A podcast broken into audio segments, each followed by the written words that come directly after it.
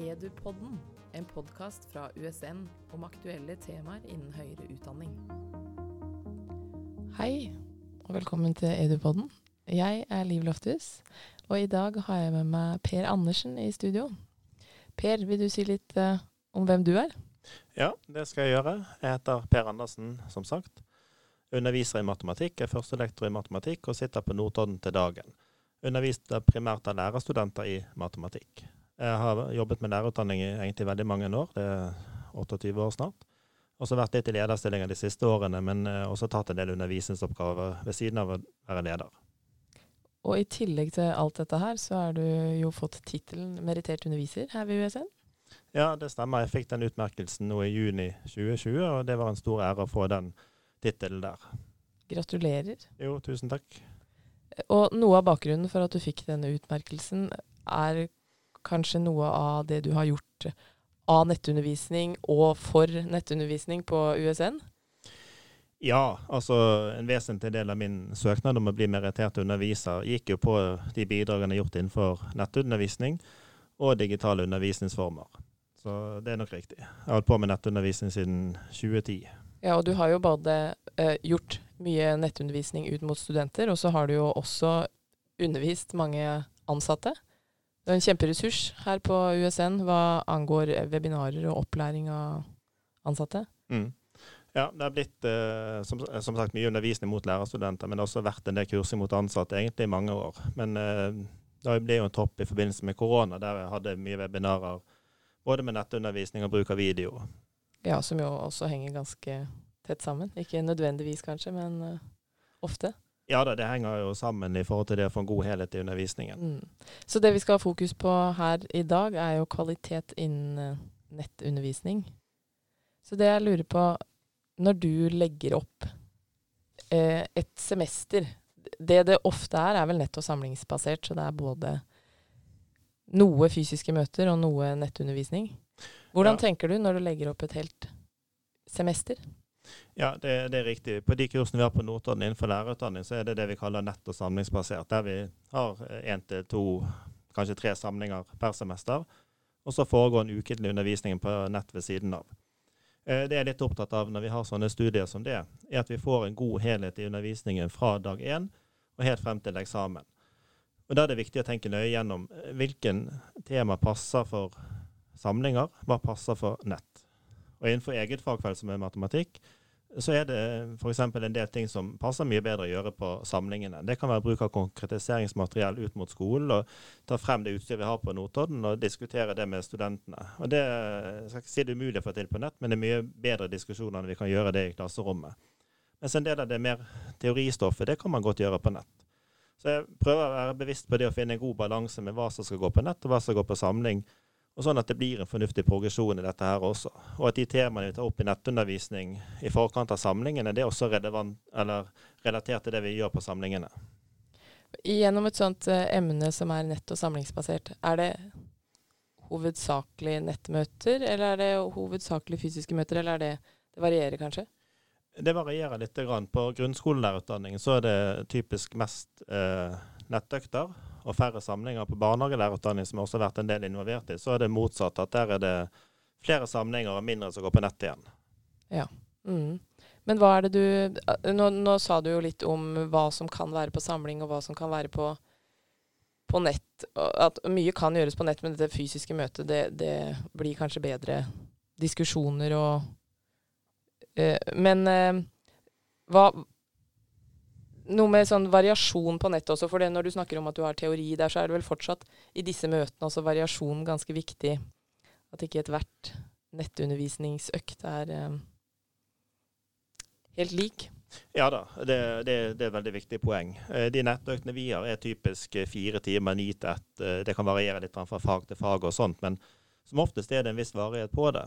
Og hvis man f.eks har et powerpoint-show på fire timer, så vil studentene ofte oppleve det som veldig kjedelig. Mm. Så, så jeg legger stor vekt på å bruke litt uh, ulike metoder inn i nettundervisningen også. Og En typisk økt som jeg kan ha, den kan gjerne bestå av en innledning hvor jeg bruker PowerPoint og presenterer noen overordnede problemstillinger. Men så vil jeg normalt gå veldig fort over til å bruke Smart Notebook og digitalt skrivebrett, sånn at jeg kan håndskrive inn i undervisningen som foregår på nettet også, på samme måte som jeg ville gjort i klasserommet med en grønntavle.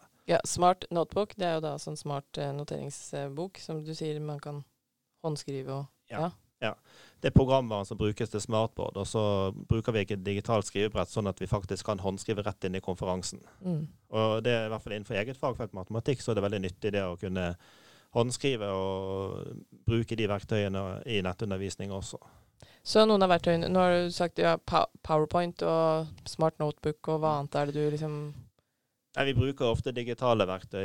Excel er jo typisk verktøy Ja. vi bruker mye i matematikken som er sentralt i skolen. Vi har også GeoGebra f.eks. som vi bruker. Det kan være å ta opp eh, nettsider f.eks. og bruke det. Det er også en virtuell kalkulator som jeg tar opp for å vise dem hvordan vi bruker kalkulatoren i ulike sammenhenger. mm. eh, Som faktisk er nyttig og studentene setter pris på. Så, det som er litt viktig for meg, er at eh, jeg gjør disse verktøyene klar. Og så bruker jeg som oftest flere ting i løpet av undervisningen. Så jeg kan starte litt med en powerpoint f.eks. Gå over til håndskrift. Kanskje ta opp en problemstilling på powerpoint igjen.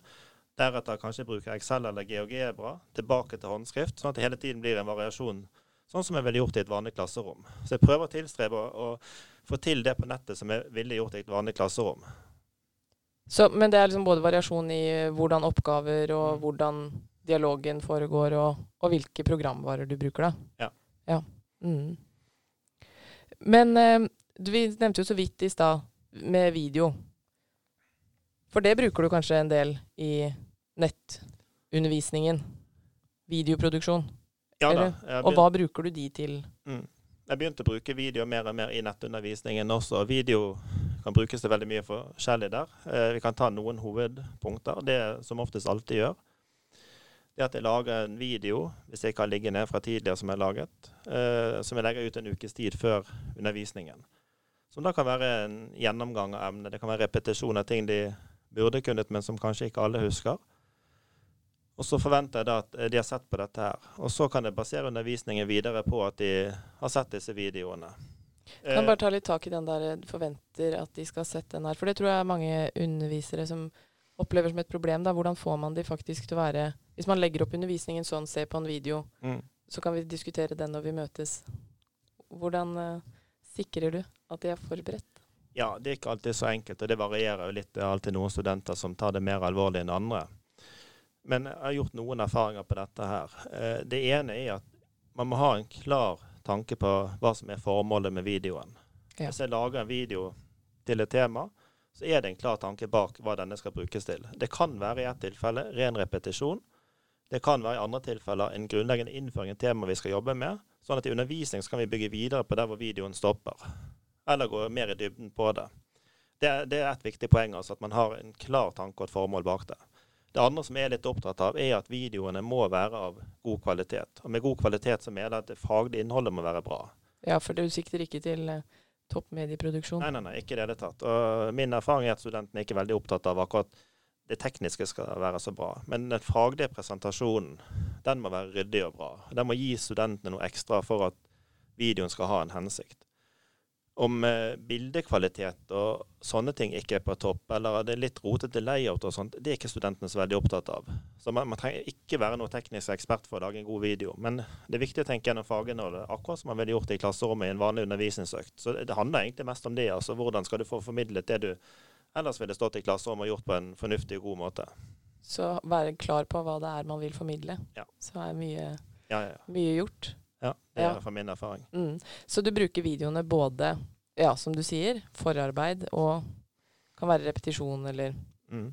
mm. Og så bruker jeg det også til et annet formål.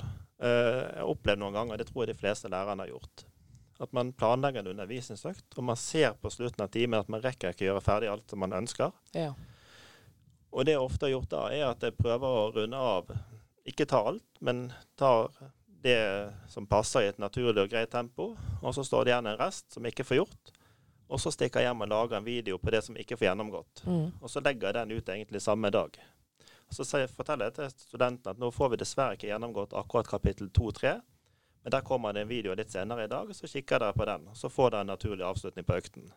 Så slipper det å bli hengende en hel uke. Mm. Og det, det har fungert veldig greit altså, med å bruke video til de formålene der. Men for nå har vi jo da vært litt innom eh, hva som gjøres på samling på nett, og at variasjon er like viktig nett i nettmøter som eh, ellers, og også det med bruk av video. Men jeg lurer på det med å kommunisere med studentene, for det er jo mange som kanskje opplever litt utfordrende da, eh, når det er, ting er digitalt. Så når, sånn i første omgang, hvordan, de, hvordan kommuniserer du med studentene mellom møter? Ja, det, mellom nettøktene så har vi prøvd å legge opp til at vi har en sånn to timers veiledningsøkt i uken. Der hvor vi er tilgjengelige for studentene. De kan logge seg på og ta opp problemstillinger enten gruppevis eller mer individuelt. Det vi ofte opplever, i hvert fall jeg opplever, det er at det er mange som logger seg på, og det er mange som lurer på mye av de samme tingene. Da har jeg ofte sagt at ok, den første timen så bruker vi å ta opp disse tingene som veldig mange lurer på i fellesskap. Og så kan vi ta det litt mer individuelt på slutten, og så gjør vi avtaler med at OK, du kommer inn f.eks. halv to, og nestemann kan komme inn kvart på to, og så kan vi ta de mer individuelle tingene. Det er den ene, ene tingen vi alltid gjør. Mm. Uh, og så, som vi opplever relativt ofte, uh, er at studentene jobber på egen hånd utenom fastsatt undervisning og veiledningstid, og det syns vi er veldig bra. Mm. Og jeg har fått veldig mange mailer fra en gruppe som kan si noe sånn som dette her. Hei, Per. Nå sitter vi fire stykker og jobber med de oppgavene du har gitt oss, men vi står litt fast og lurer på en del ting. Har du mulighet til å logge deg på Zoom-rommet vårt og så hjelpe oss litt? i randet? Og så frem til jeg er ledig, da, så gjør jeg alltid det. Og mm. stikker innom der, svarer på spørsmål oppklarer det de lurer på. Og da ser jeg ofte at når de sitter sånn og jobber, så, så krever det ikke så veldig mye av meg. altså en Fem-ti minutter inne i rommet der, så har vi som ofte fått oppklart det de lurer på. Og studentene setter veldig pris på at man i studiene kan være tilgjengelig på den måten og kunne bistå med hjelp eh, når de står fast på ting. Nå sa du at eh, ja, hvis du får spørsmål at de har sittet flere sammen. Da bare lurte jeg på, Legger du noe til rette for noe samarbeid studentene imellom, imellom, eller er det opp til studentene sjøl? Det med kollokviegrupper eller sånn? Eh, jeg burde nok vært flinkere på å styre det inn i kollokviegrupper, men vi har stort sett lagt det opp sånn at studentene danner sine egne grupper mm. i, forhold til de tingene der. Eh, her snakker vi gjerne om at de skal regne oppgaver, diskutere oppgaver og sånt, og da, da organiserer de seg ofte sjøl. Eh, ja, men du, da gir oppgaver hvor det er forventet at de skal jobbe sammen? Ikke nødvendigvis, men uh, matteoppgaver ender ofte med at de ønsker å jobbe sammen. Mm. Det er klart det kan være arbeidskrav og oppgaver som krever samarbeid på tvers, og da vil vi organisere det mer systematisk, selvfølgelig. Men her er det mer de daglige oppgavene som de jobber med, og da, da ser vi ofte at de organiserer seg selv og jobber sammen, de som har en naturlig tilknytning. Mm. Så sånn for å kommunisere med de imellom samlinger, så er du tilgjengelig eh, for spørsmål og møter. Men eh, det er liksom et evig spørsmål, men dette med nettundervisning er jo også kommunikasjon sånn i sjølve økta. Mm. Og da har vi jo denne chatten, og, og, at folk kan uh, snakke, men uh, det blir jo ofte Det er vel mange som opplever at det blir litt sånn passivt vanskelig å få studentene i gang, da. Har du noen uh, tanker eller tips? Hvordan bruker du chatten, f.eks.? Er, det, er det noen som stiller spørsmål i chatten? Eh, ja, eh, jeg opplever at studentene er veldig aktive på chat. Og det, det, er mye spørsmål, det er mye kommentarer, og de, de svarer ofte hvis jeg stiller spørsmål ut også. Eh, chatten er jo ofte den i hvert fall i større grupper, den muligheten studentene har til å kommunisere med lærere underveis. Og Det er viktig for studentene. Og Jeg har alltid hatt en veldig klar filosofi at jeg skal alltid følge med på chatten underveis. Jeg overser ikke det som kommer der. Mm. Det kan være utfordrende å få til samtidig som du skal ha fokus på det du gjør. Eh, men for studentene er det viktig at de blir sett i den chatten. Eh, jeg pleier å dele ofte spørsmål og kommentarer i chat i tre grupper. Det er det som må svares på umiddelbart der og da. Det kan være sånne ting som at jeg regnet feil på tavlen eller uh, skrevet av feil oppgave eller et eller annet sånt som, som må oppklares med en gang. Mm. Og da prøver jeg å ta det med en gang og bare ha et blikk inne på chatten sånn, og se om det kommer noe som er sånn kjempeviktig. Så tar jeg det med en gang. Så er neste kategori det er spørsmål som er faglig relevante og interessante for det temaet jeg holder på med. Det kan være noe sånt Hva ville skjedd hvis du hadde startet med minus istedenfor pluss foran den ligningen?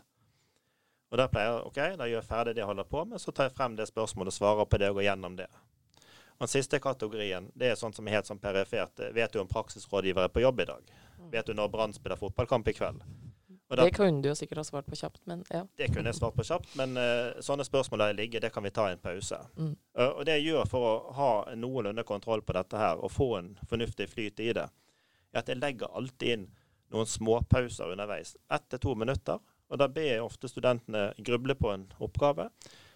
Rette opp noe. Bruk et minutt eller to på å se på denne problemstillingen her. Hva, hvordan skal vi håndtere dette? Mm. Mens de gjør det, så ser jeg er det kommet noe på chatten som er viktig, som er oversett, som jeg burde fulgt opp. Så få litt av en ro på meg til å gå gjennom det, få kontroll på det, og så kan jeg følge opp eh, eventuelle innspill som er kommet. Og jeg, jeg tror det er litt viktig, altså, for da vil studentene oppleve at innspillet de kommer med, det blir tatt på alvor, og jeg kan følge det opp som lærer. Så det er iallfall en måte å håndtere den chatten på som jeg er litt opptatt av. Mm. Du nevnte jo også i stad, før vi begynte å ta opp her, det med å stille spørsmål, kanskje bare sånn ja-nei-spørsmål, og at du på en måte forventer at de skal svare Altså, henger alle med? Mm. Ja. Ja. For det er jo også et slags grep for å få de til å være litt aktive, da. Forvente svar på sånne ting som ikke egentlig koster de så mye å svare på, men uh, kanskje øker litt aktiviteten allikevel, da. Ja, jeg gjør ofte det. Altså det, det kan være at jeg kan presentere en oppgave med to forskjellige innfallsvinkler og spørre litt tilbake. Dere er vant til å bruke metode A eller B? Og Da kommer det gjerne halvparten som svarer A, halvparten B. Og så, så blir det, kan vi ha en interessant diskusjon etterpå. Mm. Dere som har, tenker B, hvorfor gjør dere det? Dere har sett metode A først, og så kommer det gjerne flere gode innspill på chatten der også som vi kan ta med videre i undervisningen.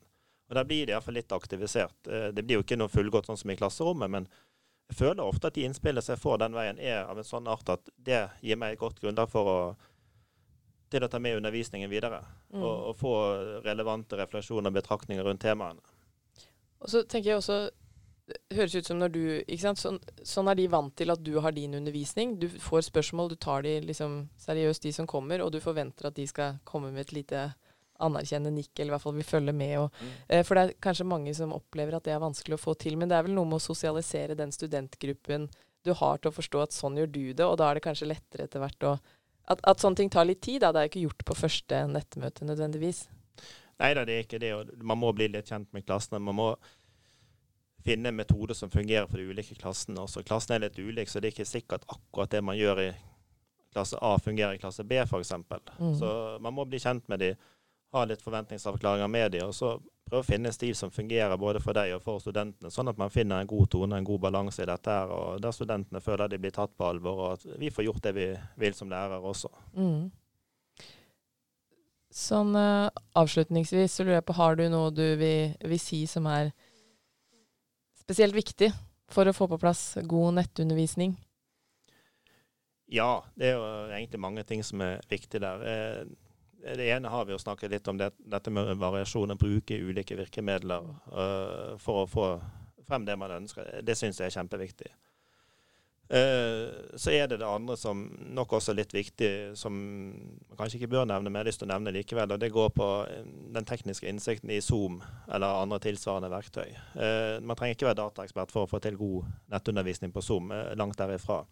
Men min erfaring er likevel at eh, hvis man behersker verktøyene sånn rimelig godt, så vil det gjøre undervisningen bedre, i den forstand at man da kan konsentrere tiden om det pedagogiske arbeidet utvikle metodene der, og ikke være fokusert på alt det tekniske. Er man trygg på det, altså, så, så slipper man at teknikken tar fokus fra det pedagogiske arbeidet.